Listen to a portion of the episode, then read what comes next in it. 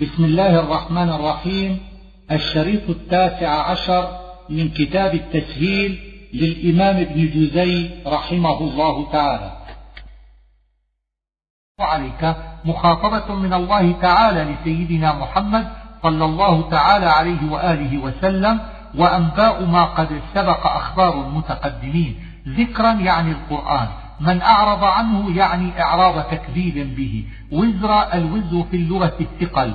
ويعني, ويعني هنا العذاب لقوله خالدين فيه أو الذنوب لأنها سبب العذاب. وساء لهم يوم القيامة حملا شبه الوزر بالحمل لثقله. قال الزمخشري ساء تجري مجرى بئس ففاعله ففاعلها مضمر يفسره حملا وقال غيره فاعلها مضمر يعود على الوزر. يوم ينفق في الصور. أي ينفخ الملك في القرن وقرئ ننفخ بالنون أي بأمرنا. زرقا أي زرق الألوان كالسواد وقيل زرق العيون من العمى. يتخافتون بينهم إن لبثتم إلا عشرا أي يقول بعضهم لبعض في السر إن لبثتم في الدنيا إلا عشر ليال وذلك لاستقلالهم مدة الدنيا وقيل يعنون لبثهم في القبور. يقول أمثلهم طريقة إن لبثتم إلا يوما أي يقول أعلمهم بالأمور فالإضافة إليهم إن لبثتم إلا يوما واحدا فاستقل المدة أشد مما استقلها غيره. ينسفها ربي أي يجعلها كالغبار ثم يفرقها فيذرها قاعا صفصفا. الضمير في يذرها للجبال والمراد موضعها من الأرض والقاع الصفصف المستوي من الأرض الذي لا ارتفاع فيه. لا ترى فيها عوجا. المعروف في اللغة أن العوج بالكسر في المعاني وبالفتح في الأشخاص والأرض شخص فكان الأصل أن يقال فيها بالفتح وإنما قاله بالكسر مبالغة في نفيه. فإن الذي في المعاني أدق من الذي في الأشخاص فنفاه ليكون غاية في نفي, في نفي العوج من كل وجه. ولا أمت الأمت هو الارتفاع اليسير. يتبعون الداعية يعني الذي يدعو الخلق إلى الحشر. لا عوج له أي لا يعود أحد عن اتباعه والمشي نحو صوته أو لا عوج لدعوته لأنها حق. همسا هو الصوت الخفي. لا تنفع الشفاعة إلا من أذن له الرحمن. يحتمل أن يكون الاستثناء متصلا ومن في موضع نصب بتنفع وهي واقعة على المشفوع له. فالمعنى لا تنفع الشفاعة أحدا إلا من أذن له الرحمن في أن يشفع له وأن يكون الاستثناء منقطعا ومن واقعة على الشافع والمعنى لكن من أذن له الرحمن يشفع. ورضي له قولا إن أريد بمن أذن له الرحمن المشفوع فيه فاللازم فيه له بمعنى لأجله أي رضي قول الشافع لأجل المشفوع فيه. وإن أريد الشافع فالمعنى رضي له قوله في الشفاعة. يعلم ما بين أيديهم وما خلفهم. الضميران لجميع الخلق والمعنى ذكر في آية الكرسي ولا يحيطون به علما. قيل المعنى لا يحيطون بمعلوماته كقوله ولا يحيطون بشيء من علمه إلا بما شاء. والصحيح عندي أن المعنى لا يحيطون بمعرفة ذاته إذ لا يعرف الله على الحقيقة إلا الله. ولو أراد المعنى الأول لقال ولا يحيطون بعلمه ولذلك استثنى إلا بما شاء هناك ولم يستثن هنا. وعنت الوجوه أي ذلت يوم القيامة ولا هضم أي بخسا ونقصا لحسناته أو يحدث لهم ذكرى أي تذكرا وقيل شرفا وهو هنا بعيد. ولا تعجل بالقرآن من قبل أن يقضى إليك وحيه. أي إذا أقرأك جبريل القرآن فاستمع إليه واصبر حتى يفرغ وحينئذ تقرأه أنت. الآية كقوله لا تحرك به لسانك لتعجل به. وقيل كان النبي صلى الله عليه وآله وسلم إذا أوحي إليه القرآن يأمر بكتبه في الحين فأمر بأن يتأنى حتى تفسر له المعاني والأول أشهر. عهدنا إلى آدم أي وصيناه ألا يأكل من الشجرة فنسي يحتمل أن يكون النسيان الذي هو ضد الذكر فيكون ذلك عذرا لآدم أو يريد الترك. وقال ابن عطية ولا يمكن غيره لأن الناسي لا عقاب عليه وقد تقدم الكلام على قصة آدم وإبليس في البقرة. فلا يخرجنكما من الجنة فتشقى أي لا تطيعاه فيخرجكما من الجنة فجعل المسبب موضع السبب. وخص آدم بقوله فتشقى لأنه كان المخاطب أولا والمقصود بالكلام وقيل لأن الشقاء في معيشة الدنيا مختص بالرجال لا تظمأ فيها ولا تضحى الظمأ هو العطش والضحى هو البروز للشمس يخصفان ذكر في الأعراف وكذلك الشجرة وأكل آدم منها ذكر ذلك في البقرة. اهبطا خطاب لآدم وحواء فإما يأتينكم هي إن الشرطية دخلت عليها ما الزائدة وجوابها فمن اتبعه. فلا يضل ولا يشقى أي لا يضل في الدنيا ولا يشقى في الآخرة. معيشة ضنكا أي ضيقة. فقيل إن ذلك في الدنيا فإن الكافر ضيق المعيشة لشدة حرصه وإن كان واسع الحال.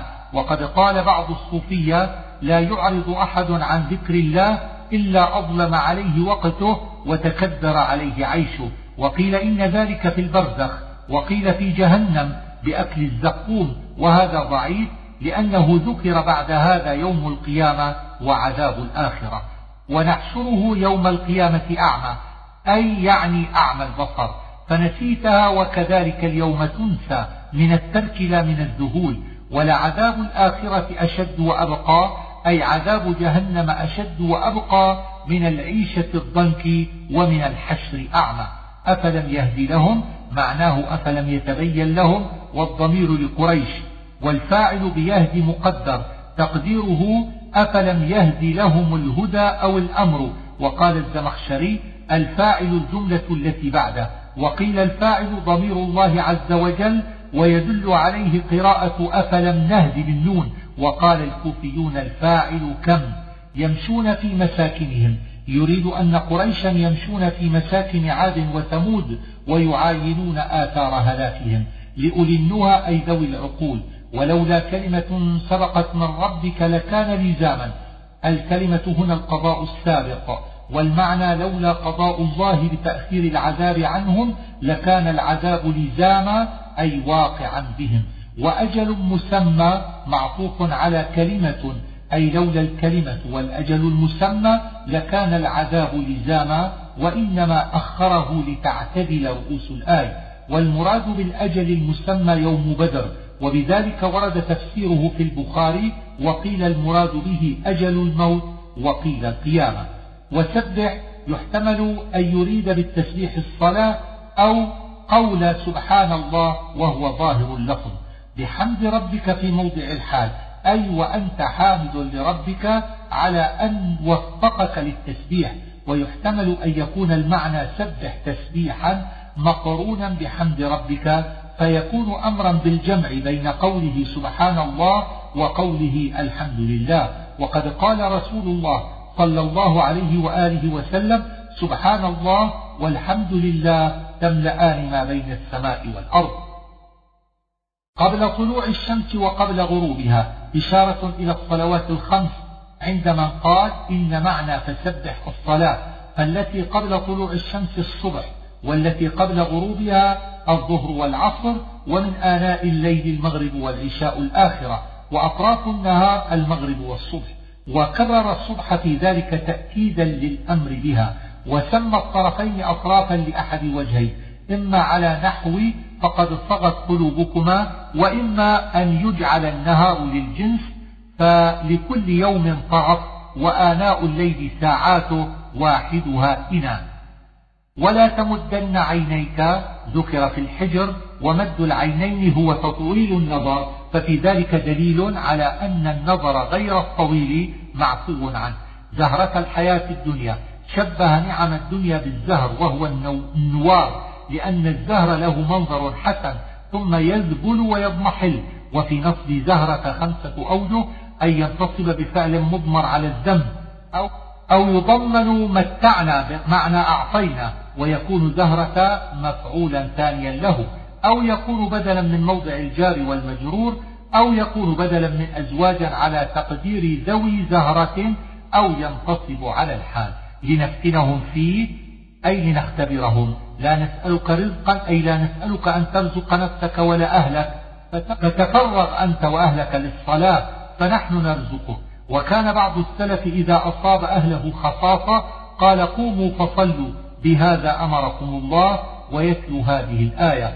أولم تأتهم بينة ما في الصحف الأولى؟ البينة هنا البرهان.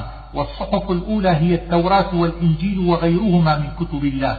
والضمير في قالوا وفي أولم تأتهم لقريش لما اقترحوا آية على وجه العناد والتعند أجابهم الله بهذا الجواب والمعنى قد جاءكم برهان ما في التوراة والإنجيل من ذكر محمد صلى الله عليه وسلم فلأي شيء تطلبون آية أخرى ويحتمل أن يكون المعنى قد جاءكم القرآن وفيه من العلوم والقصص ما في الصحف الأولى فذلك بينة وبرهان على أنه من عند الله.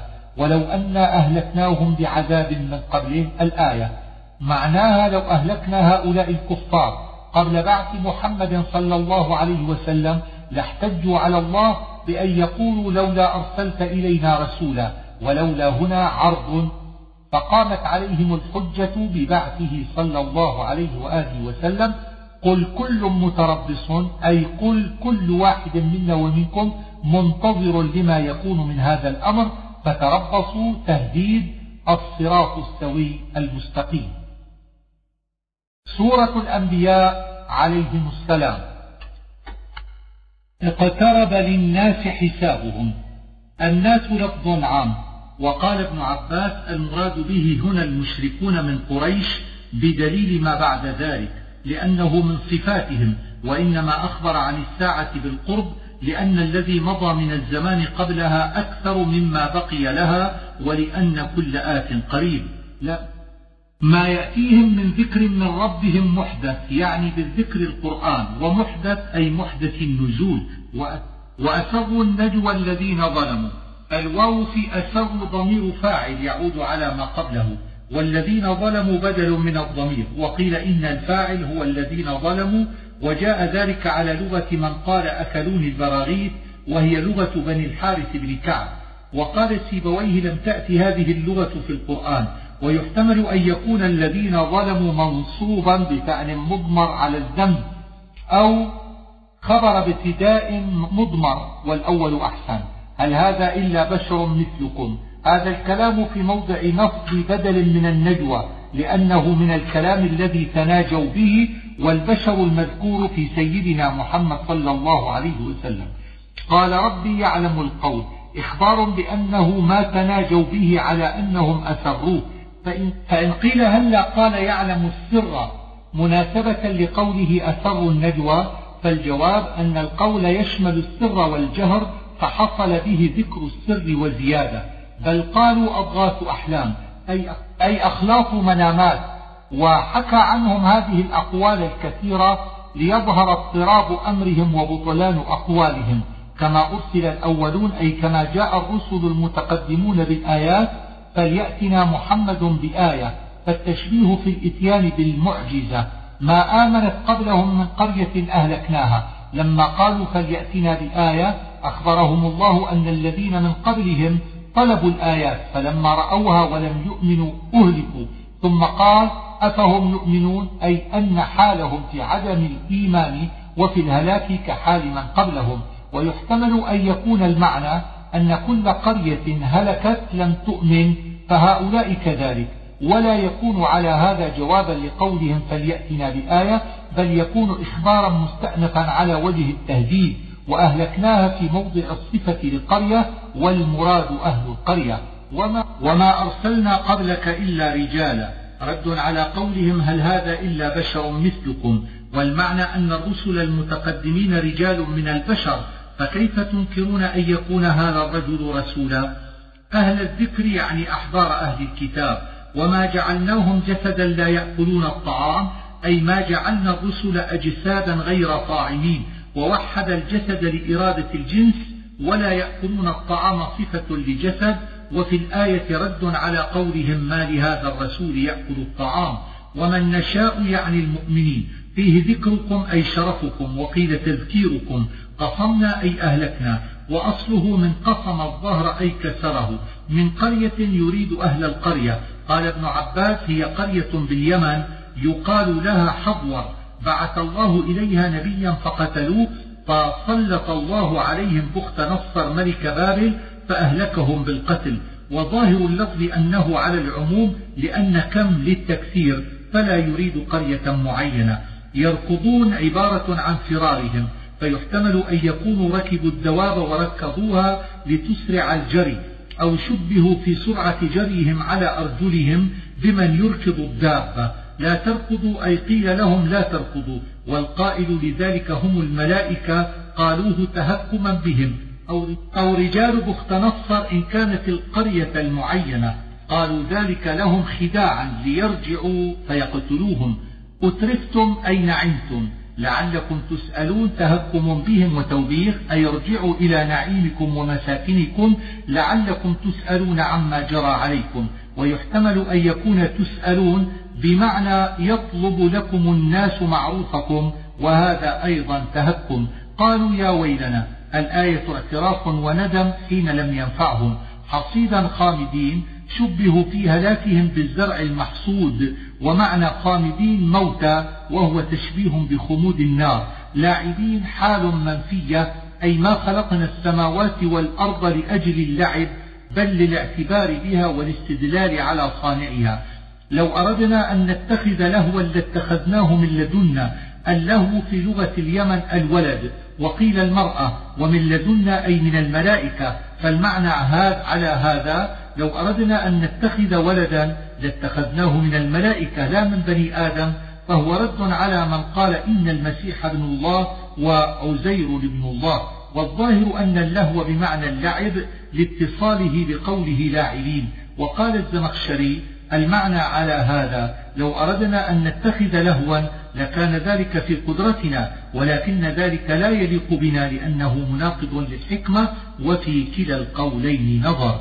إن كنا فاعلين يحتمل أن تكون إن شرطية وجوابها فيما قبلها أو نافية والأول أظهر. بل نقذف بالحق على الباطل. الحق عام في القرآن والرسالة والشرع وكل ما هو حق والباطل عام في أضداد ذلك فيدمغه أي يقمعه ويبطله وأصله من إصابة الدماغ ومن عنده يعني الملائكة. ولا يستحسرون أي لا يعيون ولا, يمل ولا يملون. أم اتخذوا آلهة من الأرض هم ينشرون؟ أم هنا للإضراب عما قبلها والاستفهام على وجه الإنكار لما بعدها؟ من الأرض يتعلق بينشرون. والمعنى أن الآلهة التي اتخذها المشركون لا يقدرون أن ينشروا الموتى من الأرض فليست بآلهة في الحقيقة لأن من صفة الإله القدرة على الإحياء والإماتة. لو كان فيهما آلهة إلا الله لفسدتا. هذا برهان على وحدانية الله تعالى. والضمير في قوله فيهما للسماوات والأرض وإلا الله صفة لآلهة وإلا بمعنى غير. فاقتضى الكلام أمرين. أحدهما نفي كثرة الآلهة ووجوب أن يكون الإله واحدا والأمر الثاني أن يكون ذلك الواحد هو الله دون غيره ودل على ذلك قوله إلا الله. وأما الأول فكانت الآية تدل عليه لو لم تذكر هذه الكلمة. وقال كثير من الناس في معنى الآية إنها دليل على التمانع الذي أورده الأصوليون وذلك أن لو فرضنا إلهين فأراد أحدهما شيئا وأراد الآخر نقيضا فإما أن تنفذ إرادة كل واحد منهما وذلك محال لأن النقيضين لا يجتمعان وإما ألا تنفذ إرادة واحد منهما وذلك أيضا محال لأن النقيضين لا يرتفعان معا ولأن ذلك يؤدي إلى عجزهما وقصورهما فلا يكونان إلهين وإما أن ينفذ أو تنفذ إرادة واحد منهما دون الآخر فالذي تنفذ إرادته هو الإله والذي لا تنفذ إرادته ليس بإله فالإله واحد. وهذا الدليل إن سلمنا صحته فلفظ الآية لا يطابقه بل الظاهر من اللفظ استدلال آخر أصح من دليل التمانع وهو أنه لو كان فيهما آلهة إلا الله لفسدتا لما يحدث بينهما من الاختلاف والتنازع في التدبير وقصد المغالبة. ألا ترى أنه لا يوجد ملكان اثنان لمدينة واحدة ولا وليان لخطة واحدة؟ لا يسأل عما يفعل لأنه مالك كل شيء والمالك يفعل في ملكه ما يشاء ولأنه حكيم فأفعاله كلها جارية على الحكمة. وهم يسألون لفقد العلتين أن اتخذوا من دونه آلهة. كرر هذا الإنكار استعظاما للشرك ومبالغة في تقبيحه لأن قبله من صفات الله ما يوجب توحيده وليناط به ما ذكر بعده من تعجيز المشركين وأنهم ليس لهم على الشرك برهان لا من جهة العقل ولا من جهة الشرع. هاتوا برهانكم تعجيز لهم وقد تكلمنا على هاتوا في البقرة. هذا ذكر من معي وذكر من قبلي. رد على المشركين والمعنى هذا الكتاب الذي معي والكتب التي من قبلي ليس فيهما ما يقتضي الإشراك بالله بل كلها متفقة على التوحيد. وما أرسلنا الآية رد على المشركين والمعنى أن كل رسول إنما أتى بلا إله إلا الله. عباد مكرمون يعني الملائكة. وهم الذين قال فيهم بعض الكفار إنهم بنات الله. فوصفهم بالعبودية لأنها تناقض النبوة ووصفهم بالكرامة لأن ذلك هو الذي غر الكفار حتى قالوا فيهم ما قالوا. لا يسبقونه بالقول أي لا يتكلمون حتى يتكلم هو تأدبا معه. ولا يشفعون إلا لمن ارتضى أي لمن ارتضى أن يشفع له ويحتمل أن تكون هذه الشفاعة في الآخرة أو في الدنيا وهي استغفارهم لمن في الأرض.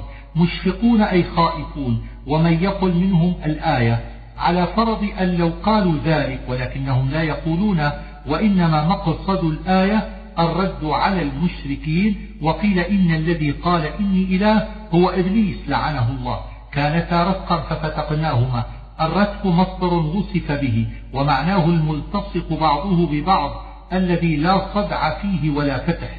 والفتك الفتح فقيل كانت السماوات ملصقة بالأرض ففتقها الله بالهواء. وقيل كانت السماوات ملتصقة بعضها ببعض والأرضون كذلك ففتقهما الله سبعا سبعا. والرؤية في قوله أولم ير على هذا رؤية قلب. وقيل فتق السماء بالمطر وفتق الأرض بالنبات فالرؤية على هذا رؤية عين وجعلنا من الماء كل شيء حي أي خلقنا من الماء كل حيوان ويعني بالماء المني وقيل الماء الذي يشرب لأنه سبب لحياة الحيوان ويدخل في ذلك النبات باستعارة. رواسي يعني الجبال أن تميد تقديره كراهية أن تميد فجاجا يعني الطرق الكبار وإعرابه عند الزمخشري حال من السبل لأنه صفة تقدمت على النكرة لعلهم يهتدون يعني في طرقهم وتصرفاتهم سقفا محفوظا أي حفظ من السقوط ومن الشياطين عن آياتها معرضون يعني الكواكب والأمطار والرعد والبرق وغير ذلك. كل في فلك يسبحون التنوين في كل عوض عن الإضافة. أي كلهم في فلك يسبحون يعني الشمس والقمر دون الليل والنهار إذ لا يوصف الليل والنهار بالسبح في الفلك فالجملة في موضع حال من الشمس والقمر أو مستأنفا. فإن قيل لفظ كل مفرد ويسبحون جمع فكيف يعني الشمس والقمر وهما اثنان؟ فالجواب أنه أراد جنس مطالعها كل يوم وليلة وهي كثيرة قاله الزمخشري. وقال القزنوي أراد الشمس والقمر وسائر الكواكب السيارة وعبر عنهما بضمير الجماعة العقلاء في قوله يسبحون لأنه وصفهم بفعل العقلاء وهو السبح. فإن قيل كيف قال في فلك وهي أفلاك كثيرة فالجواب أنه أراد كل واحد يسبح في فلكه وذلك كقولهم كساهم الأمير حلة أي كسى كل واحد منهم حلة ومعنى الفلك جسم مستدير وقال بعض المفسرين إنه من موج وذلك بعيد. والحق, والحق أنه لا يعلم صفته وكيفيته إلا بإخبار صحيح عن الشارع وذلك غير موجود. ومعنى يسبحون يجرون أو يدورون وهو مستعار من السبح بمعنى العوم في الماء. وقوله كل في فلك من المقلوب الذي يقرأ من الطرفين. وما جعلنا لبشر من قبلك الخلد. سببها أن الكفار طعنوا على النبي صلى الله عليه وآله وسلم بأنه بشر يموت وقيل إنهم تمنوا موته ليشمتوا به وهذا أنسب لما بعده. أفإن مت فهم الخالدون؟ موضع دخول الهمزة فهم الخالدون وتقدمت لأن الاستفهام له صدر الكلام. كل نفس ذائقة الموت أي كل نفس مخلوقة لا بد لها أن تذوق الموت والذوق هنا استعارة. ونبلوكم بالشر والخير أي نختبركم بالفقر والغنى والصحة والمرض وغير ذلك من أحوال الدنيا ليظهر الصبر على الشر والشكر على الخير أو خلاف ذلك. فتنة مصدر من, مصدر من معنى نبلوكم. أهذا الذي يذكر آلهتكم؟ أي يذكرهم بالذم دلت على ذلك قرينة الحال فإن الذكر قد يكون بذم أو مدح والجملة تفسير للهزء أي يقولون أهذا الذي؟ وهم بذكر الرحمن هم كافرون. الجملة في موضع الحال أي كيف ينكرون ذمك لآلهتهم وهم يكفرون بالرحمن؟ فهم أحق بالملامة. وقيل معنى بذكر الرحمن تسميته بهذا الاسم. لأنهم أنكروها والأول أغرق في ضلالهم. خلق الإنسان من عجل خلق شديد الاستعجال وجاءت هذه العبارة للمبالغة. كقولهم خلق حاسم من جود والإنسان هنا جنس. وسبب الآية أن الكفار استعجلوا الآيات التي اقترحوها والعذاب الذي طلبوه. فذكر, فذكر الله هذا توطئة لقوله فلا تستعجلون. وقيل المراد هنا آدم لأنه لما وصلت الروح إلى صدره أراد أن يقوم وهذا ضعيف وقيل من عجل أي من طين وهذا أضعف. سأريكم آياتي وعيد وجواب على ما طلبوه من التعجيل ويقولون الآية تفسير لاستعجالهم. الوعد القيامة وقيل نزول العذاب بهم. لو يعلم جواب لو محذوف. حين مفعول به ليعلموا. أي لو يعلمون الوقت الذي يحيط بهم العذاب لآمنوا وما استعجلوا بل تأتيهم الضمير الفاعل للنار وقيل للساعة تبهتهم أي تفجأهم ولا هم ينظرون أي لا يؤخرون عن العذاب ولقد استهزئ. الآية تسلية بالتأسي فحاق أي أحاط. من يكلأكم أي من يحفظكم من أمر الله؟ ومن استفهامية؟ والمعنى تهديد وإقامة حجة لأنهم لو أجابوا عن هذا السؤال لاعترفوا أنهم ليس لهم مانع ولا حافظ ثم جاء ثم جاء قوله بل هم عن ذكر ربهم معرضون بمعنى أنهم إذا سئلوا عن, عن ذلك السؤال لم يجيبوا عنه لأنهم تقوم عليهم الحجة إن أجابوا ولكنهم يعرضون عن ذكر الله أي عن الجواب الذي فيه ذكر الله. وقال الزمخشري معنى الإضراب هنا أنهم معرضون عن ذكره فضلا عن أن يخافوا بأسه. أم لهم آلهة تمنعهم من دوننا؟ أي تمنعهم من العذاب. وأم هنا للاستفهام والمعنى الإنكار والنفي.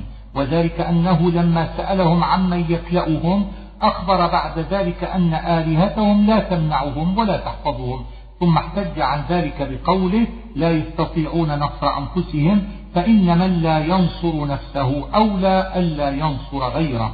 ولا هم منا يصحبون الضمير للكفار أي لا يصحبون منا بنصر ولا حفظ بل متعنا هؤلاء وآباؤهم أي متعناهم بالنعم والعافية في الدنيا فطغوا بذلك ونسوا عقاب الله والإضراب ببل عن معنى الكلام المتقدم أي لم يحملهم على الكفر والاستهزاء نصر ولا حفظ بل حملهم على ذلك أنا متعناهم وآباؤهم ننقصها من أطرافها ذكر في الرعد.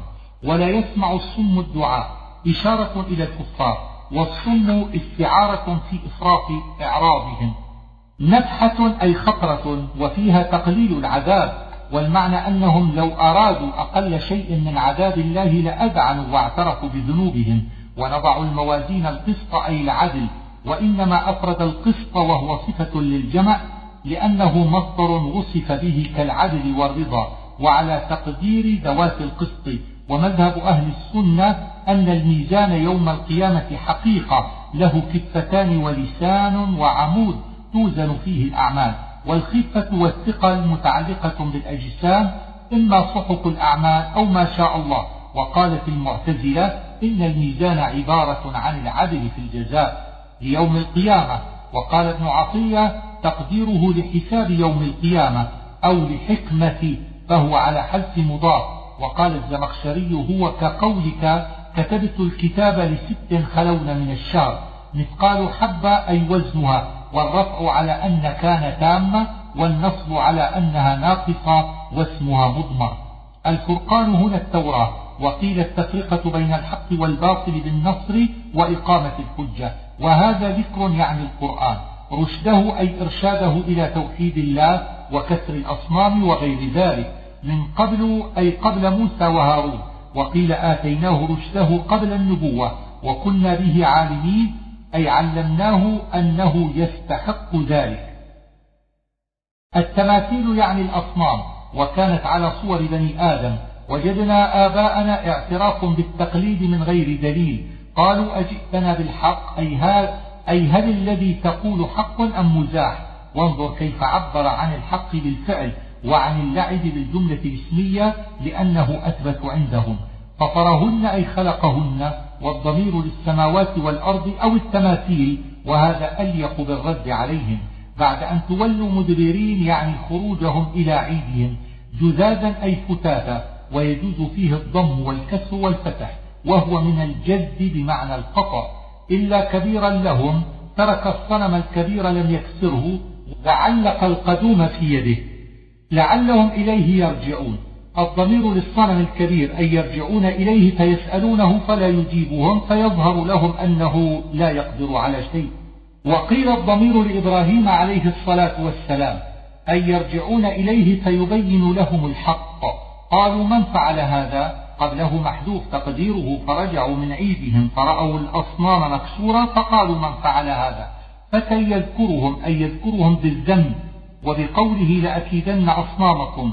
يقال له إبراهيم قيل إن إعراب إبراهيم منادى وقيل خبر ابتداء مضمر وقيل رفع على الإهمال. والصحيح أنه مفعول لم يسمى فاعله لأن المراد الاسم للمسمى وهذا اختيار ابن عطية والزمخشري لعلهم يشهدون أي يشهدون عليه بما فعل أو يحضرون عقوبتنا له. قال بل فعله كبيرهم. قصد إبراهيم عليه السلام بهذا القول تبكيتهم وإقامة الحجة عليهم كأنه يقول إن كان إلها فهو قادر على أن يفعل وإن لم يقدر فليس بإله ولم يقصد الإخبار المحض لأنه كذب. فإن قيل فقد جاء في الحديث إن إبراهيم كذب ثلاث كذبات. أحدها قوله فعله كبيرهم فالجواب أن معنى ذلك أنه قال قولا ظاهره الكذب وإن كان القصد به معنى آخر. ويدل على ذلك قوله فاسألوهم إن كانوا ينطقون لأنه أراد به أيضا تبكيتهم وبيان ضلالهم.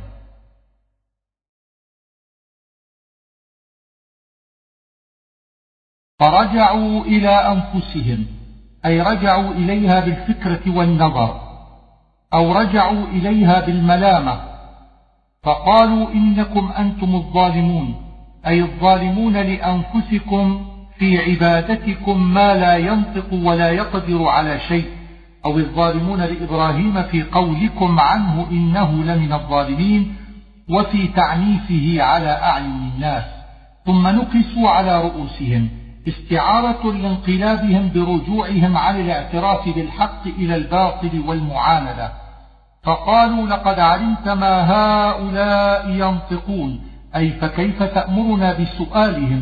فهم قد اعترفوا بأنهم لا ينطقون وهم مع ذلك يعبدونهم فهذه غاية الضلال في فعلهم وغاية المكابرة والمعاندة في جدالهم. ويحتمل أن نكسوا على رؤوسهم بمعنى رجوعهم عن المجادلة إلى الانقطاع فإن قولهم لقد علمت ما هؤلاء ينطقون اعتراف يلزم منه أنهم مغلوبون بالحجة ويحتمل على هذا أن يكون نكسوا على رؤوسهم حقيقة أي أطرقوا من الخجل لما قامت عليهم الحجة. أف لكم تقدم الكلام على أف في الإسراء قالوا حرقوه. لما غلبهم بالحجة رجعوا إلى التغلب عليه بالظلم. قلنا يا نار كوني بردا وسلاما أي ذات برد وسلام. وجاءت العبارة هكذا للمبالغة. واختلف كيف بردت النار.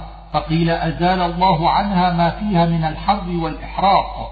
وقيل دفع عن جسم إبراهيم حرها وإحراقها مع ترك ذلك فيها.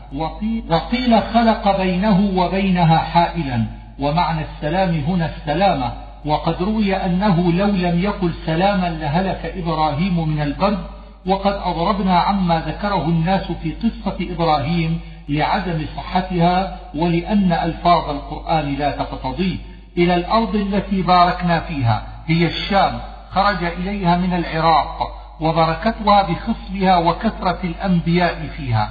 نافلة أي عطية والتنفيل العطاء وقيل سماه نافلة لأنه عطاء بغير سؤال فكأنه تبرع وقيل الهبة إسحاق والنافلة يعقوب لأنه سأل إسحاق بقوله هب لي من الصالحين فأعطي يعقوب زيادة على ما سأل واختار بعضهم على هذا الوقف على إسحاق لبيان المعنى وهذا ضعيف لأنه معطوف على كل قول.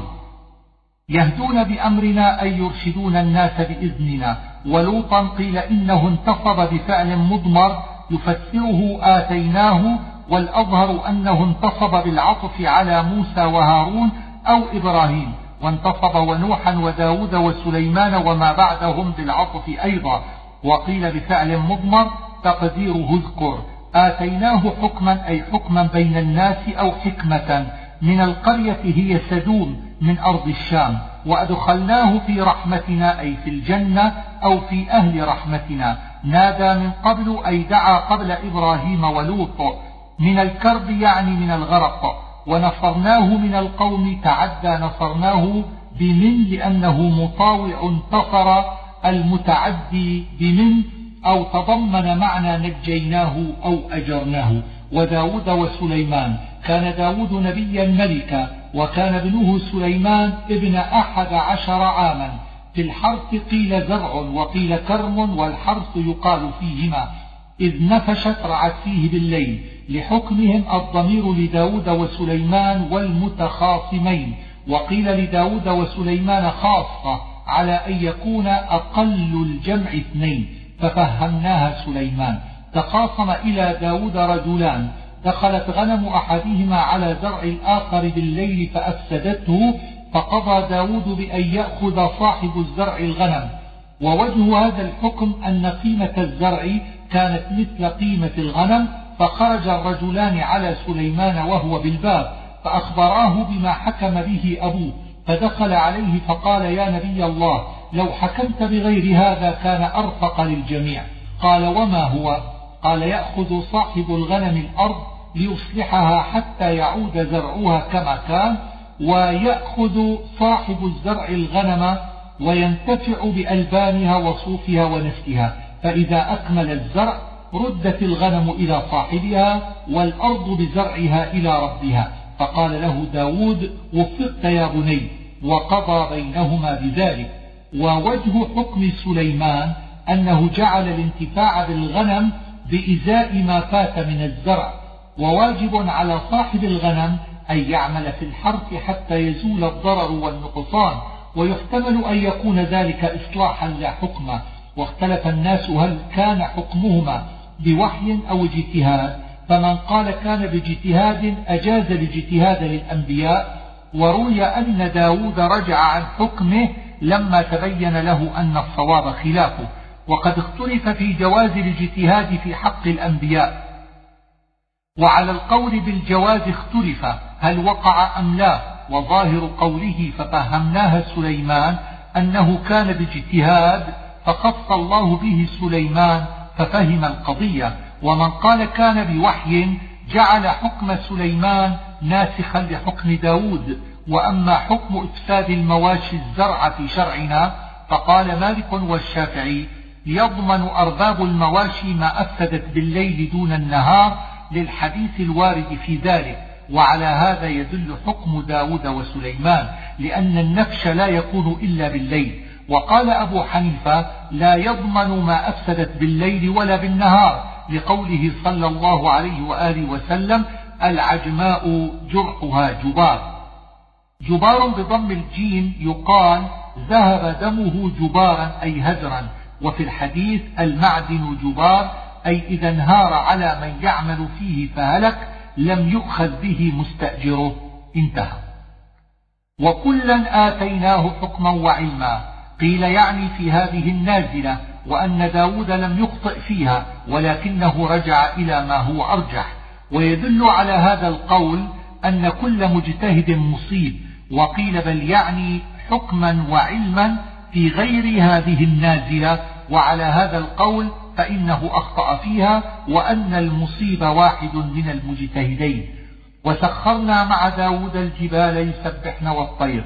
كان هذا التسبيح قول سبحان الله وقيل الصلاة معه إذا صلى وقدم الجبال على الطير لأن تسبيحها أغرب إذ هي جماد وكنا فاعلين أي قادرين على أن نفعل هذا. وقال ابن عطية معناه كان ذلك في حقه لأجل أن داود استوجب ذلك مناصفة. صنعة لبوس يعني دروع الحديد وأول من صنعها داود عليه السلام. وقال ابن عطية اللبوس في اللغة السلاح. وقال الزمخشري اللبوس اللباس. لتحسنكم من بأسكم أي لتقيكم في القتال. وقرئ بالياء والتاء والنون فالنون لله تعالى والتاء للصنعة والياء لداود أو للبوس. فهل أنتم شاكرون؟ لفظ استفهام وقيل استدعاء إلى الشكر. ولسليمان الريح عاصفة عطف الريح على الجبال. والعاصفة هي الشديدة فإن قيل كيف يقال عاصفة وقال في صاد رخاء أي لينة فالجواب أنها كانت في نفسها لينة طيبة وكانت تسرع في جريها كالعاصف فجمعت الوصفين. وقيل كانت رخاء رخاء في ذهابه وعاصفة في رجوعه إلى وطنه لأن عادة المسافرين الإسراع في الرجوع. وقيل كانت تشتد إذا رفعت البساط وتلين إذا حملته إلى الأرض التي باركنا فيها يعني أرض الشام وكانت مسكنه وموضع ملكه فخص في الآية الرجوع إليها لأنه يدل على الانتقال منها. يغوصون له أي يدخلون في الماء ليستخرجوا له الجواهر من البحار. عملا دون ذلك أقل من الغوص كالبنيان والخدمة. وكنا لهم حافظين أي نحفظهم عن أن يزيغوا عن أمره أو نحفظهم من إفساد ما صنعوه وقيل معناه عالمين بعددهم. وأيوب إذ نادى ربه. كان أيوب عليه السلام نبيا من الروم. وقيل من بني إسرائيل. وكان له أولاد ومال كثير. فأذهب الله ماله فصبر. ثم أهلك الأولاد فصبر.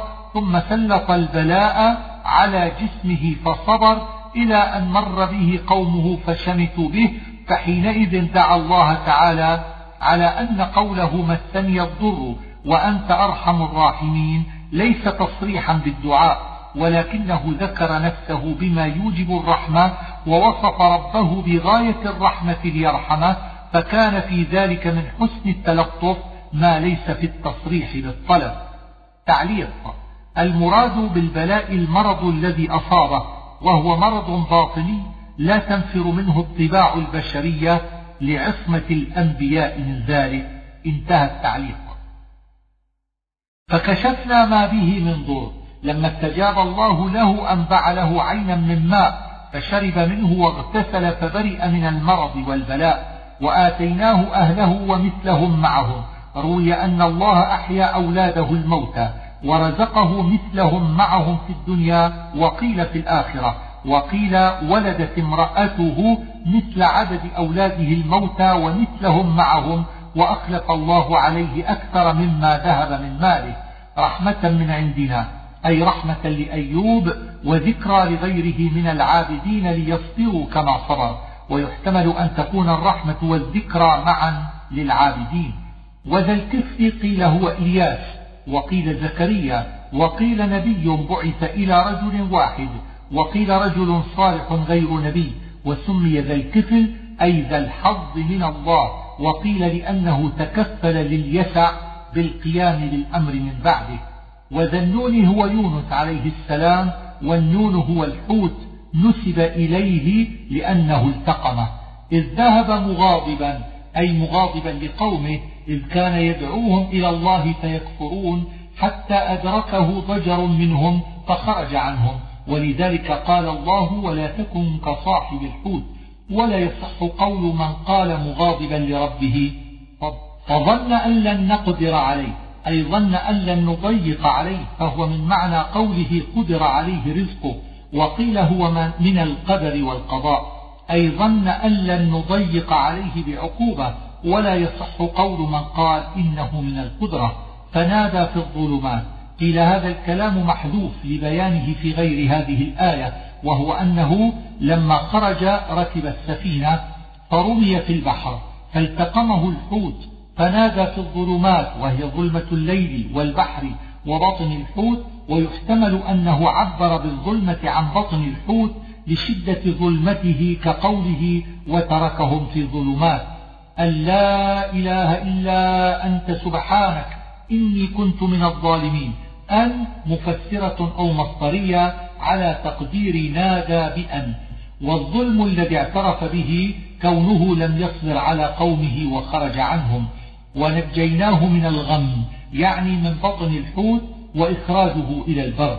وكذلك ننجي المؤمنين يحتمل أن يكون مطلقا أو لمن دعا بدعاء يونس ولذلك قال رسول الله صلى الله عليه وآله وسلم دعوة أخي يونس ذنون ما دعا بها مكروب إلا استجيب له. لا تذرني فردا أي بلا ولد ولا وارث وأنت خير الوارثين. إن لم ترزقني وارثا فأنت خير الوارثين. فهو استسلام لله تعالى وأصلحنا له زوجة يعني ولدت له بعد أن كانت عقيمة واسم زوجته أشياع قاله السهيلي. يسارعون في الخيرات والضمير للأنبياء المذكورين. رغبا ورهبا. الرغب الرجاء والرهب الخوف.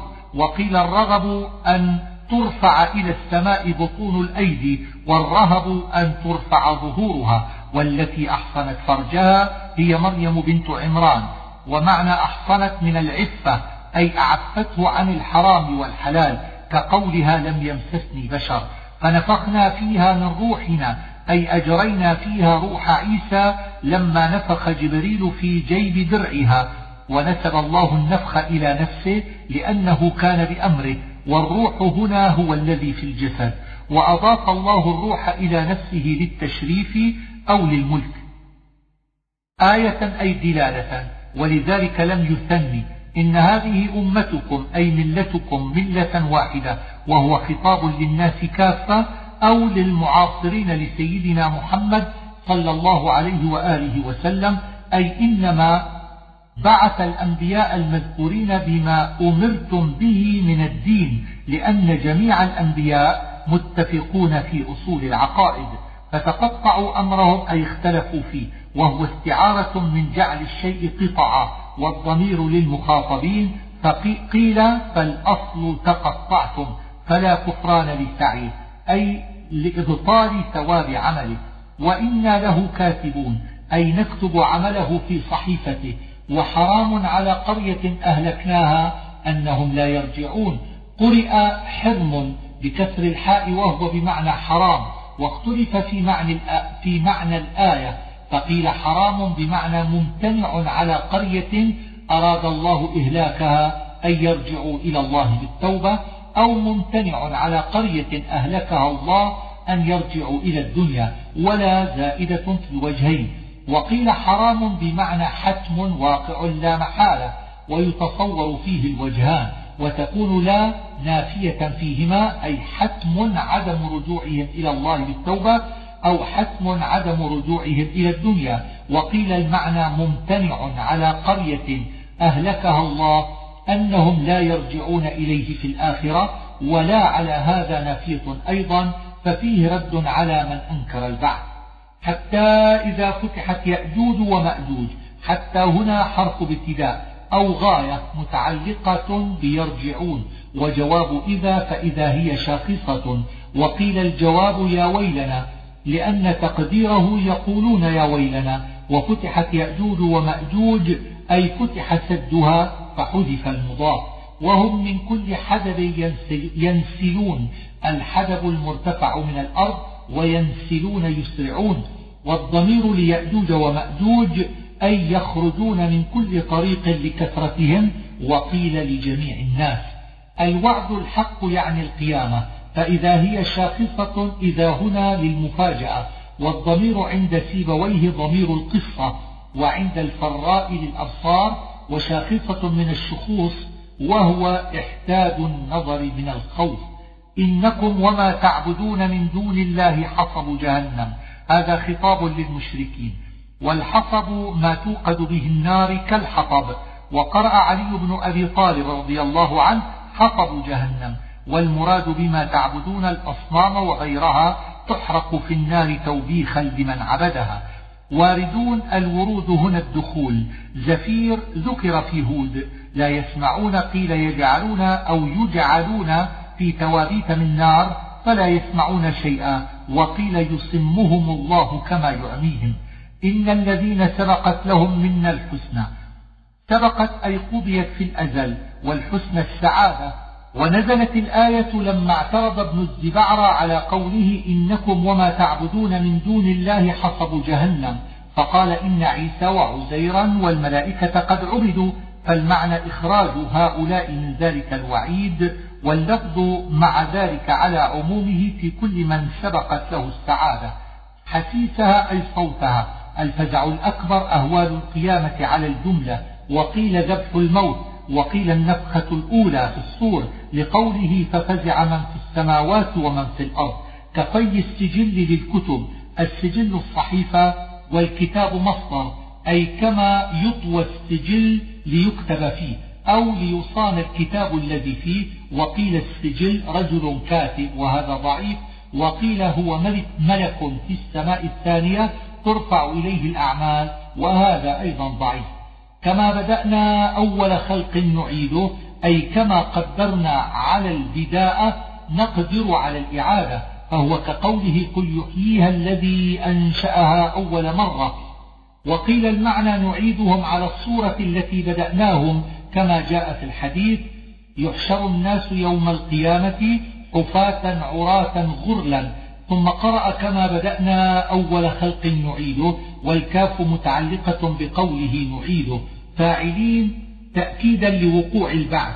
ولقد كتبنا في الزبور من بعد الذكر. في الزبور هنا قولان.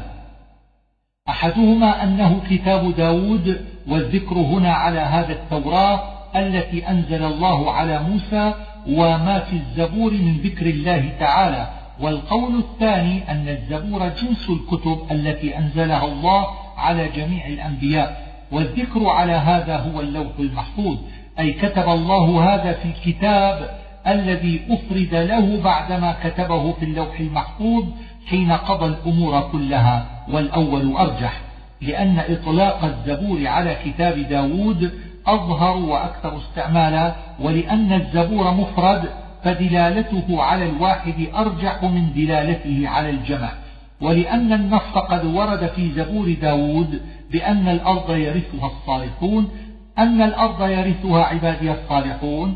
الأرض هنا على الإطلاق في مشارق الأرض ومغاربها وقيل الأرض المقدسة وقيل أرض الجنة والأول أظهر والعباد الصالحون أمة محمد صلى الله عليه وآله وسلم. ففي الآية ثناء عليهم وإخبار بظهور غيب مصداقه في الوجود إذ فتح الله لهذه الأمة مشارق الأرض ومغاربها. وما أرسلناك إلا رحمة للعالمين. هذا خطاب لسيدنا محمد صلى الله عليه وآله وسلم وفيه تشريف عظيم. وانتصب رحمة على أنه حال من ضمير المخاطب المفعول. والمعنى على هذا أن النبي صلى الله عليه وآله وسلم هو الرحمة ويحتمل أن يكون مصدرا في موضع الحال من ضمير الفاعل تقديره أرسلناك راحمين للعالمين أو يكون مفعولا من أجله والمعنى على كل وجه أن الله رحم العالمين بإرسال سيدنا محمد صلى الله عليه وآله وسلم لأنه جاءهم بالسعادة الكبرى. والنجاة من الشقاوة العظمى ونالوا على يديه الخيرات الكثيرة في الآخرة والأولى وعلمهم بعد الجهالة وهداهم بعد الضلالة. فإن قيل رحمة للعالمين عموم والكفار لم يرحموا به فالجواب من وجهين. أحدهما أنهم كانوا معرضين للرحمة به لو آمنوا فهم الذين تركوا الرحمة بعد تعريضها لهم. والآخر أنهم رحموا به لكونهم لم يعاقبوا بمثل ما عوقب به الكفار المتقدمون من الطوفان والصيحة وشبه ذلك. آذنتكم على سواء أي أعلمتكم بالحق على استواء في الإعلام وتبليغ إلى جميعكم لم يختص به واحد دون آخر. وإن أدري أقريب أم بعيد ما توعدون إن هنا وفي الموضع الآخر نافية. وأدري فعل علق عن معموله لأنه من أفعال القلوب وما بعده في موضع المعمول من طريق المعنى فيجب وصله معه والهمزة في قوله أقريب للتسوية لا لمجرد الاستفهام. قيل يوقف على إن أدري في الموضعين ويبتدأ بما بعده وهذا خطأ لأنه يطلب لعله فتنة الضمير لإمهالهم وتأخير عقوبتهم ومتاع إلى حين أي الموت أو القيامة المستعان على ما تصفون أي أستعين به على الصبر على ما تصفون من الكفر والتكذيب. سورة الحج. اتقوا ربكم تكلمنا على التقوى في أول البقرة. إن زلزلة الساعة أي شدتها وهولها كقوله وزلزلوا أو تحريك الأرض حينئذ كقوله إذا زلزلت الأرض زلزالها والجملة تعليل للأمر بالتقوى واختلف هل الزلزلة والشدائد المذكورة بعد ذلك في الدنيا بين يدي القيامة أو بعد أن تقوم القيامة؟ والأرجح أن ذلك قبل القيامة لأن في ذلك الوقت يكون ذهول المرضعة ووضع الحامل لا بعد القيامة. يوم ترونها العامل في الظرف تذهل والضمير للزلزلة وقيل الساعة وذلك ضعيف لما ذكرنا إلا أن يريد ابتداء أمرها. تذهل الذهول هو الذهاب عن الشيء مع دهشة. مرضعة إنما لم يقل مرضع لأن, لأن المرضعة هي التي في حال الإرضاع ملقمة ثديها للصبي والمرضع التي شأنها أن ترضع وإن لم تباشر الإرضاع في حال وصفها به فقال مرضعة ليكون ذلك أعظم في الذهول إذ تنزع ثديها من فم الصبي حينئذ وترى الناس سكارى تشبيه بالسكارى من شدة الغم وما هم بسكارى نفي لحقيقة السكر وقرئ سكرى والمعنى متفق. ومن الناس من يجادل في الله نزلت في النضر بن الحارث وقيل في أبي جهل وهي تتناول كل من اتصف بذلك. شيطان مريد أي شديد الإغواء ويحتمل أن يريد شيطان الجن أو الإنس. كتب تمثيل لثبوت الأمر كأنه مكتوب ويحتمل أن يكون بمعنى قضي كقولك كتب الله أنه في, أنه في موضع المفعول الذي لم يسمى فاعله فأنه عطف عليه وقيل تأكيد. من تولاه أي تبعه أو اتخذه وليا والضمير في عليه وفي أنه في الموضعين وفي تولاه للشيطان وفي يضله ويهديه للمتولي له ويحتمل أن تكون تلك الضمائر أولا لمن يجادل. يا أيها الناس إن كنتم في ريب من البعث. الآية معناها إن شككتم في البعث الأخروي فزوال ذلك الشك أن تنظروا في ابتداء خلقتكم. تعلموا أن الذي قدر على أن خلقكم أول مرة قادر على أن يعيدكم ثاني مرة وأن الذي قدر على إخراج النبات من الأرض بعد موتها قادر على أن يخرجكم من قبوركم. خلقناكم من تراب إشارة إلى خلق آدم وأسند ذلك إلى الناس لأنهم من ذريته وهو أصلهم. من علقة العلقة قطعة من دم جامدة. من مضغة أي قطعة من لحم مخلقة المخلقة التامة الخلقة وغير المخلقة غير التامة. كالسقط وقيل المخلقة المسواة السالمة من النقصان. لنبين لكم اللام تتعلق بمحذوف تقديره ذكرنا ذلك لنبين لكم قدرتنا على البعث. ونقر فعل مستأنف إلى أجل مسمى يعني وقت وضع الحمل وهو مختلف وأقله ستة أشهر إلى ما فوق ذلك. نخرجكم طفلا. أفرده لأنه أراد الجنس أو أراد نخرج كل واحد منكم طفلا. لتبلغوا أشدكم. هو كمال القوة والعقل والتمييز. وقد اختلف فيه من ثمان عشرة سنة إلى خمس وأربعين. أرذل العمر ذكر في النحل. هامدة يعني لا نبات فيها. اهتزت تحركت بالنبات وتخلخلت أجزاؤها لما دخلها الماء وربت انتفخت. زوج بهيج أي صنف عجيب. ذلك بأن الله هو الحق. أن أي ذلك المذكور من أمر الإنسان والنبات حاصل بأن الله هو الحق. هكذا قدره الزمخشري. والباء على هذا سببية وبهذا المعنى أيضا فسره ابن عطية ويلزم على هذا ألا يكون قوله وأن الساعة آتية معطوفا على ذلك لأنه ليس بسبب لما ذكر. فقال ابن عطية قوله أن الساعة ليس بسبب لما ذكر ولكن المعنى أن الأمر مرتبط بعضه ببعض أو على تقدير والأمر أن الساعة وهذان الجوابان اللذان ذكر ابن عطية ضعيفان. أما قوله إن الأمر مرتبط بعضه ببعض فالارتباط هنا إنما يكون بالعطف والعطف لا يصح. وأما قوله على تقدير الأمر أن الساعة فذلك استئناف وقطع للكلام الأول ولا شك أن المقصود من الكلام الأول هو إثبات الساعة. فكيف يجعل ذكرها مقطوعا مما قبله؟ والذي يظهر لي أن الباء ليست بسببية وإنما يقدر لها فعل تتعلق به ويقتضيه المعنى. وذلك أن يكون التقدير ذلك الذي تقدم من خلقة الإنسان والنبات شاهد بأن الله هو الحق وأنه يحيي الموتى وبأن الساعة آتية. فيصح عطف وأن الساعة على ما قبله بهذا التقدير. وتكون هذه الأشياء المذكورة بعد قوله ذلك مما استدل عليها بخلقة الإنسان والنبات.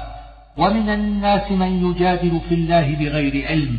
نزلت في من نزلت فيه الأولى. وقيل في الأخنس بن شريق.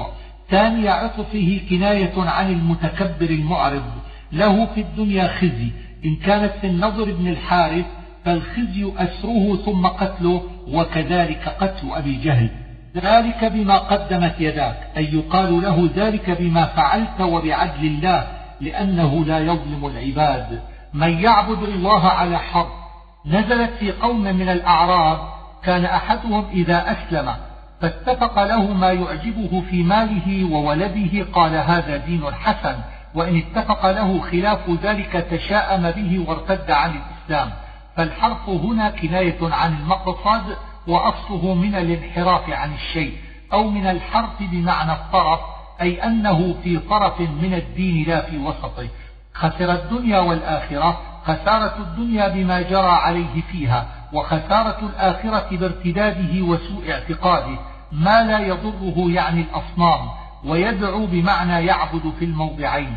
يدعو لمن ضره أقرب من نفعه. فيه فيها إشكالان. الأول في المعنى وهو كونه وصف الأصنام بأنها لا تضر ولا تنفع ثم وصفها بأن ضرها أقرب من نفعها فنفى الضر ثم أثبته. فالجواب أن الضر المنفي أولا يراد به ما يكون من فعلها وهي لا تفعل شيئا والضر الثاني يراد به ما يكون بسببها من العذاب وغيره. والإشكال الثاني دخول اللام على من وهي في الظاهر مفعول واللام لا تدخل على المفعول وأجاب الناس في عن ذلك بثلاثة أوجه.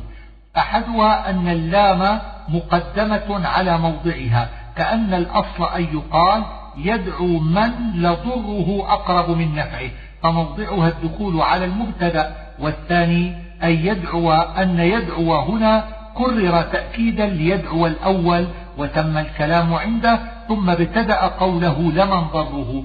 فمن مبتدأ وخبره لبئس المولى.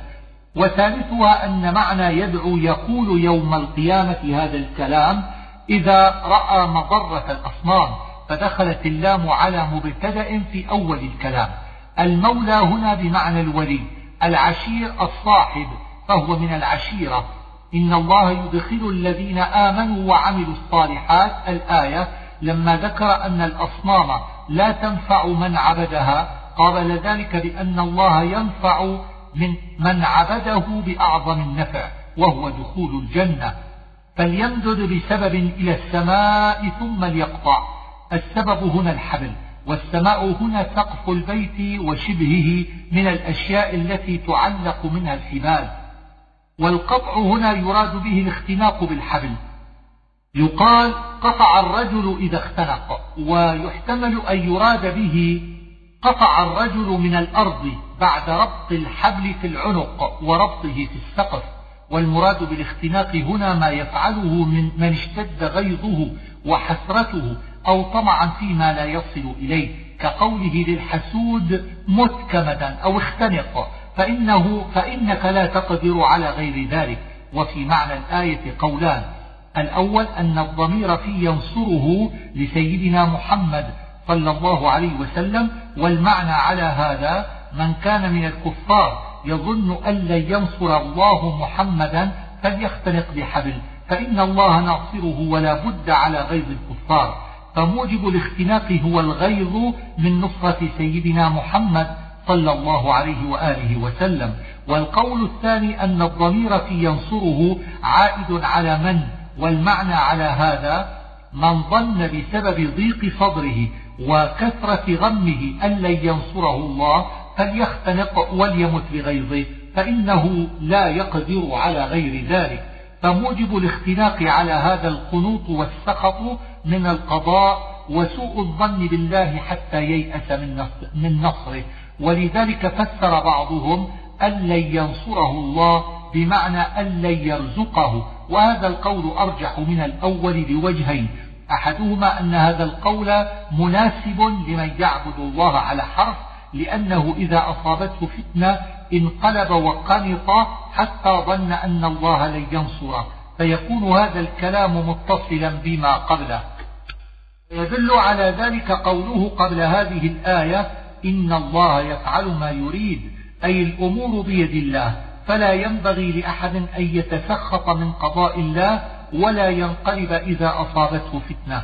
والوجه الثاني أن الضمير في ينصره على هذا القول يعود على ما تقدمه. وأما على القول الأول فلا يعود على مذكور قبله لأن النبي صلى الله عليه وسلم لم لم يذكر قبل ذلك بحيث يعود الضمير عليه ولا يدل سياق الكلام عليه دلالة ظاهرة.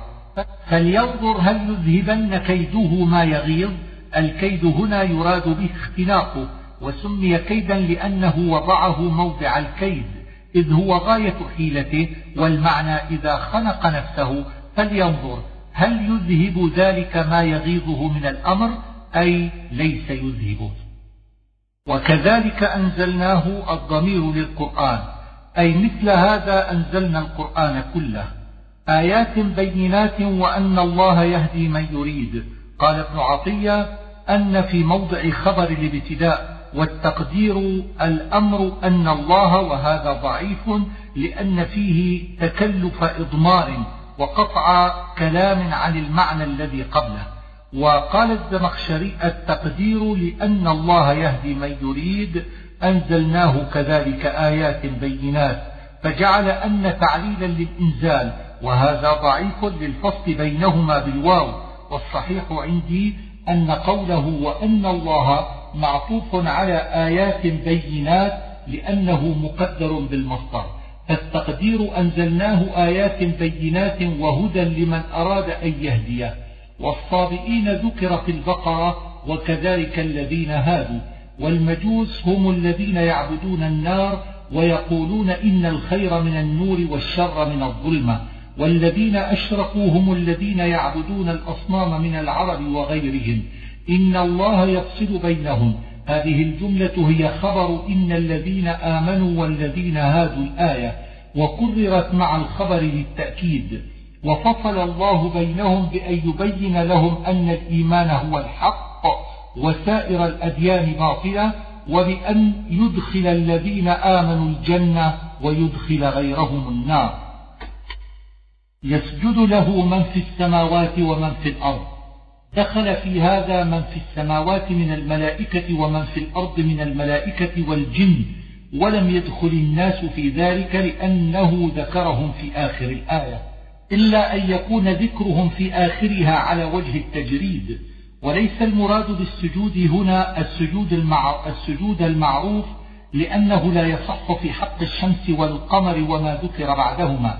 وإنما المراد به الانقياد ثم إن الانقياد يكون على وجهين أحدهما الانقياد لطاعة الله طوعا والآخر الانقياد لما يجري, لما يجري الله على المخلوقات في أفعاله وتدبيره شاءوا أو أبوا وكثير من الناس إن جعلنا السجود بمعنى الانقياد لطاعة الله فيكون كثير من الناس معطوفا على ما قبله من الأشياء التي تسجد ويكون قوله وكثير حق عليه العذاب مستأنفا يراد به من لا ينقاد للطاعة ويوقف على قوله وكثير من الناس وهذا القول هو الصحيح وإن جعلنا السجود بمعنى الانقياد لقضاء الله وتدبيره فلا يصح تفضيل الناس على ذلك إلى من يسجد ومن لا يسجد لأن جميعهم يسجد بذلك المعنى وقيل إن قوله وكثير من الناس معطوف على ما قبله ثم عطف عليه كثير حق عليه العذاب فالجميع على هذا يسجد وهذا ضعيف لأن قوله حق عليه العذاب يقتضي ظاهره أنه إنما حق عليه العذاب بتركه للسجود وتأوله الزمخشري على هذا المعنى بأن إعراب كثير من الناس فاعل بفعل مضمر تقديره تسجد سجود طاعة أو مرفوع بالابتداء وخبره محذوف تقديره مثاب وهذا تكلف بعيد.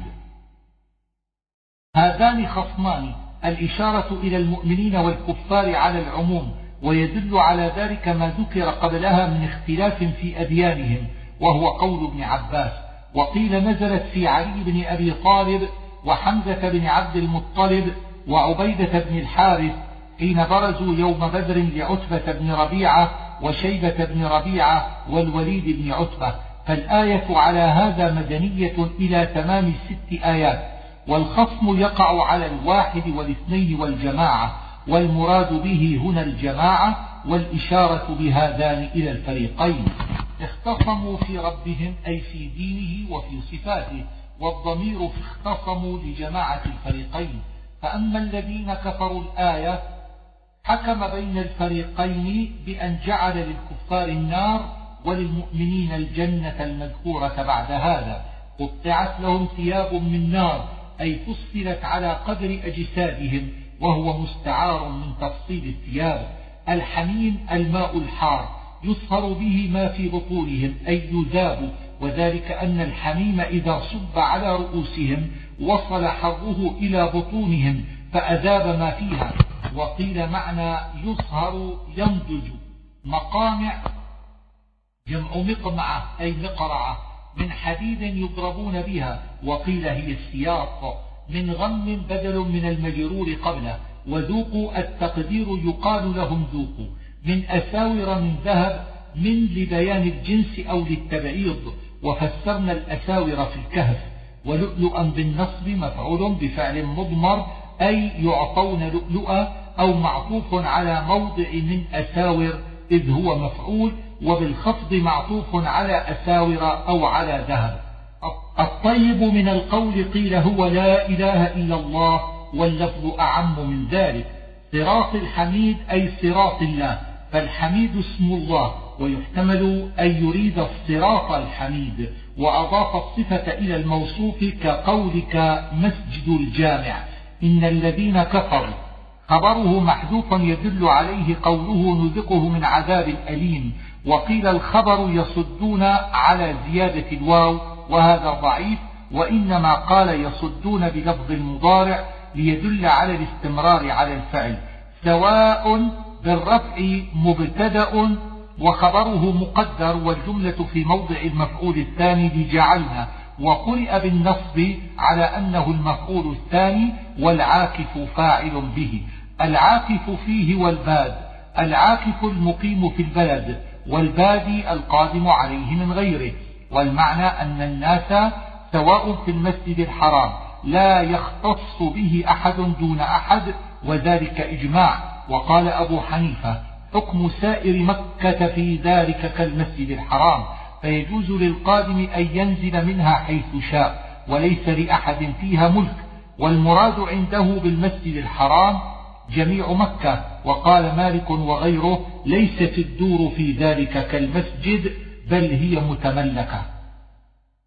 بإلحاد بظلم الإلحاد الميل عن الصواب والظلم هنا عام في المعاصي من الكفر إلى الصغائر لأن الذنوب في مكة أشد منها في غيرها وقيل هو استحلال الحرام ومفعول يرد محذوف تقديره من يرد أحدا أو من يرد شيئا وبإلحاد بظلم حالان مترادفان وقيل المفعول قوله بإلحاد على زيادة الباء وإذ بوأنا لإبراهيم مكان البيت العامل في إذ مضمر تقديره أذكر وبوأنا أصله من باء بمعنى رجع ثم ضوعف ليتعدى واستعمل بمعنى أنزلنا في الموضع كقوله تبوئ المؤمنين إلا أن هذا المعنى يشكل هنا لقوله لإبراهيم لتعدي الفعل باللام وهو يتعدى بنفسه حتى قيل اللام زائدة وقيل معناه هيأنا وقيل جعلنا والبيت هنا الكعبة.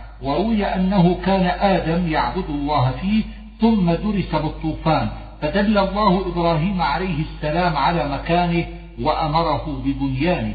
ألا تشرك أن مفسرة والخطاب لإبراهيم عليه السلام وإنما فسرت تبوئة البيت بالنهي عن الإشراك والأمر بالتطهير لأن التبوئة إنما قصدت لأجل العبادة التي تقتضي ذلك. طهر بيتها. عام في التطهير من الكفر والمعاصي والأنجاس وغير ذلك والقائمين يعني المصلين. وأذن في الناس بالحج خطاب لإبراهيم وقيل لسيدنا محمد صلى الله عليه وآله وسلم والأول هو الصحيح. روي أنه لما أمر بالأذان بالحج صعد على جبل أبي قبيس ونادى أيها الناس إن الله قد أمركم بحج هذا البيت فحجوا فسمعه كل من يحج إلى يوم القيامة وهم في أصلاب آبائهم وأجابه في ذلك الوقت كل شيء من جماد وغيره لبيك اللهم لبيك فجرت التلبية على ذلك. يأتوك رجالا جمع راجل أي ماشيا على رجليه وعلى كل ضامر الضامر يراد به كل ما يركب من فرس وناقة وغير ذلك وإنما وصفه بالضمور لأنه لا يصل إلى البيت إلا بعد ضموره. وقوله وعلى كل ضامر حال معطوف على حال كأنه قال رجالا وركبانا. واستدل بعضهم بتقديم الرجال في الآية على أن المشي إلى الحج أفضل من الركوب واستدل بعضهم بسقوط ذكر البحر بهذه الآية على أنه يسقط فرض الحج على من يحتاج إلى ركوب البحر. يأتينا صفة لكل ضامر لأنه في معنى الجمع. من كل فج عميق أي طريق بعيد. منافع لهم أي بالتجارة. وقيل أعمال الحج وثوابه واللفظ أعم من ذلك. ويذكر اسم الله يعني التسمية عند ذبح البهائم ونحرها وفي الهدايا والضحايا. وقيل يعني الذكر على الإطلاق وإنما قال اسم الله لأن الذكر باللسان إنما يذكر لفظ الأسماء. في أيام معلومات هي عند مالك يوم النحر وثانيه وثالثه خاصة لأن هذه هي أيام الضحايا عنده. ولم يجز ذبحها بالليل لقوله في أيام وقيل الأيام المعلومات عشر ذي الحجة ويوم النحر والثلاثة بعده وقيل عشر ذي الحجة خاصة وأما الأيام المعدودات فهي الثلاثة بعد يوم النحر فيوم النحر من المعلومات لا من المعدودات واليومان بعده من المعلومات والمعدودات ورابع النحر من المعدودات لا من المعلومات فكلوا منها. ندب أو إباحة ويستحب أن يأكل الأقل من الضحايا ويتصدق بالأكثر البائس الذي أصابه البؤس وقيل هو المتكفف وقيل الذي يظهر عليه أثر الجوع ثم ليقضوا تفتهم. التفت في اللغة الوسخ فالمعنى ليقضوا إزالة تفتهم بقص الأظفار والاستحداد وسائر خصال الفطرة والتنظف بعد أن يحلوا من الحج وقيل التفت أعمال الحج وقرئ بكسر اللام وإسكانها وهي لام الأمر وكذلك وليوفوا وليطوفوا. وليطوفوا المراد هنا طواف الإفاضة عند جميع المفسرين وهو الطواف الواجب بالبيت العتيق أي القديم لأنه أول بيت وضع للناس وقيل العتيق الكريم كقولهم فرس عتيق. وقيل أعتق من الجبابرة أي منع منهم. وقيل العتيق هو الذي لم يملكه أحد قط. ذلك هنا وفي الموضع الثاني مرفوع على تقدير الأمر ذلك كما يقدم الكاتب جملة من كتابه ثم يقول هذا وقد كان كذا وأجاز بعضهم الوقوف على قولك على قوله ذلك في ثلاثة مواضع من هذه السورة وهي هذا وذلك ومن يعظم شعائر الله وذلك ومن يشرك بالله لأنها جملة مستقلة أو هو خبر ابتداء مضمر. والأحسن وصلها بما بعدها عند شيخنا أبي جعفر بن الزبير لأن ما بعدها ليس كلاما أجنبيا ومثلها ذلك ومن عاقب وذلكم فذوقوه في الأنفال وهذا وإن للطاغين في صاد. حرمات الله جمع حرمة ومن لا وهو ما لا يحل هتكه من جميع الشريعة. فيحتمل أن يكون هنا على العموم أو يكون خاصا بما يتعلق بالحق لأن الآية فيه. فهو خير له أي التعظيم للحرمات خير. إلا ما يتلى عليكم يعني ما حرمه في غير هذا الموضع كالميتة. الرجس من الأوثان. من لبيان الجنس كأنه قال الرجس الذي هو الأوثان والمراد النهي عن عبادتها أو عن الذبح تقربا إليها كما كانت العرب تفعل. قول الزور أي الكذب وقيل شهادة الزور فكأنما خر من السماء الآية تمثيل للمشرك بمن أهلك نفسه أشد الهلاك سحيق أي بعيد. شعائر الله قيل هي الهدايا في الحج وتعظيمها بأن تختار سمانا عظاما غالية الأثمان وقيل مواضع الحج كعرفات ومنى والمزدلفة وتعظيمها إجلالها وتوقيرها والقصد إليها وقيل الشعائر أمور الدين على الإطلاق وتعظيمها القيام بها وإجلالها فإنها من تقوى القلوب الضمير عائد على الفعلة. التي يتضمنها الكلام وهي مصدر يعظم. وقال الزمخشري التقدير فإن تعظيمها من أفعال ذوي تقوى القلوب فحذفت هذه المضافات. لكم فيها منافع. من قال إن شعائر الله هي الهدايا فالمنافع بها شرب لبنها وركوبها لمن اضطر, لمن اضطر إليها والأجل المسمى نحرها. ومن قال إن شعائر الله مواضع الحج فالمنافع التجارة فيها أو الأجر والأجل المسمى الرجوع إلى مكة لطواف الإفاضة ثم محلها إلى البيت العتيق. من قال إن شعائر الله الهدايا فمحلها موضع نحرها وهي منى ومكة. وخص البيت بالذكر لأنه أشرف الحرم وهو المقصود بالهدي. ثم على هذا القول ليست للترتيب في الزمان لأن محلها قبل نحرها وإنما هي لترتيب الجمل. ومن قال إن الشعائر مواضع الحج فمحلها مأخوذ من إحلال المحرم أي آخر ذلك كله الطواف بالبيت يعني طواف الإفاضة إذ به يحل المحرم من إحرامه. ومن قال إن الشعائر أمور الدين على الإطلاق فذلك لا يستقيم مع قوله محلها إلى البيت. ولكل أمة جعلنا منسكا أي لكل أمة مؤمنة. والمنسك اسم مكان أي موضعها لعبادتهم. ويحتمل أن يكون اسم مصدر بمعنى عبادة. والمراد بذلك الذبائح لقوله ليذكروا اسم الله على ما رزقهم من بهيمة الأنعام. بخلاف ما يفعله الكفار من الذبح تقربا إلى الأصنام. فإلهكم إله واحد في وجه اتصاله بما قبله وجهان. أحدهما أنه لما ذكر الأمم المتقدمة خاطبها بقوله فإلهكم إله واحد أي هو الذي شرع المناسك لكم ولمن تقدم قبلكم والثاني أنه إشارة إلى الذبائح أي إلهكم إله واحد فلا تذبحوا تقربا لغيره. المخبتين الخاشعين وقيل المتواضعين وقيل نزلت في أبي بكر وعمر وعثمان وعلي وكذلك قوله بعد ذلك وبشر المخبتين واللفظ فيهما أعم من ذلك.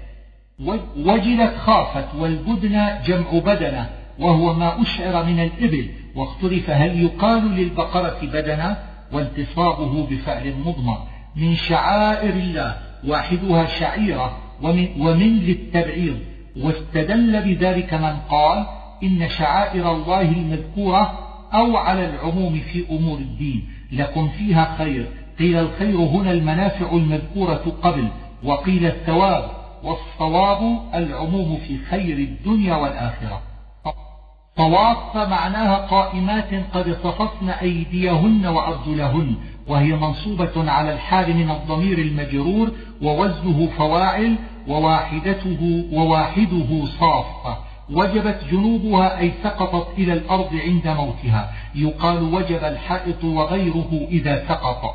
القانع معناه السائل وهو من قولك قنع الرجل بفتح النون إذا سأل وقيل معناه المتعفف عن السؤال فهو على هذا من قولك قنع بالكسر إذا رضي بالقليل والمعتر المعترض بغير سؤال ووزنه مفتعل يقال اعترضت بالقوم إذا تعرضت لهم فالمعنى أطعموا من سأل ومن لم يسأل ممن تعرض بلسان حاله وأطعموا من تعفف عن السؤال بالكلية ومن تعرض للعطاء. كذلك سخرناها لكم أي كما أمرناكم بهذا كله سخرناها لكم. وقال الزمخشري التقدير مثلها مثل التخيير الذي علمتم سخرناها لكم. لن ينال الله لحومها ولا دماؤها. المعنى لن تصلوا إلى رضا الله باللحوم ولا بالدماء وإنما تصلون إليه بالتقوى أي بالإخلاص لله وقصد وجه الله بما تذبحون وتنحرون من الهدايا. فعبر عن هذا المعنى بلفظ ينال مبالغة وتأكيدا لأنه قال لن تصل لحومها ولا دماؤها إلى الله وإنما تصل بالتقوى منكم فإن ذلك هو الذي طلب منكم وعليه يحصل لكم الثواب. وقيل كان أهل الجاهلية يضرجون البيت بالدماء فأراد المسلمون فعل ذلك فنهوا عنه ونزلت الآية. كذلك سخرها لكم كرر للتأكيد. لتكبروا الله قيل يعني قول الذابح بسم الله والله أكبر واللفظ أعم من ذلك. إن الله يدافع عن الذين آمنوا. كان الكفار يؤذون المؤمنين بمكة فوعدهم الله أن يدفع عنهم شرهم وأذاهم. وحذف مفعول يدافع ليكون أعظم وأعم.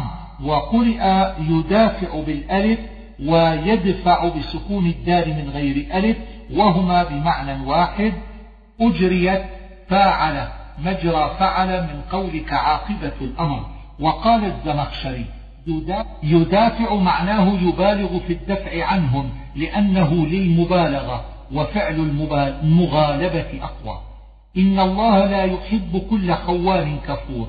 الخوان مبالغة في خائن والكفور مبالغة في كافر. قال الزمخشري هذه الآية علة لما قبلها. أذن للذين يقاتلون. هذه أول آية نزلت في الإذن في القتال. ونسخ ونسخت الموادعة مع الكفار. وكان نزولها عند الهجرة. وقرئ أذن بضم الهمزة على البناء لما لم يسمى فاعله. وبالفتح على البناء للفاعل. وهو الله تعالى.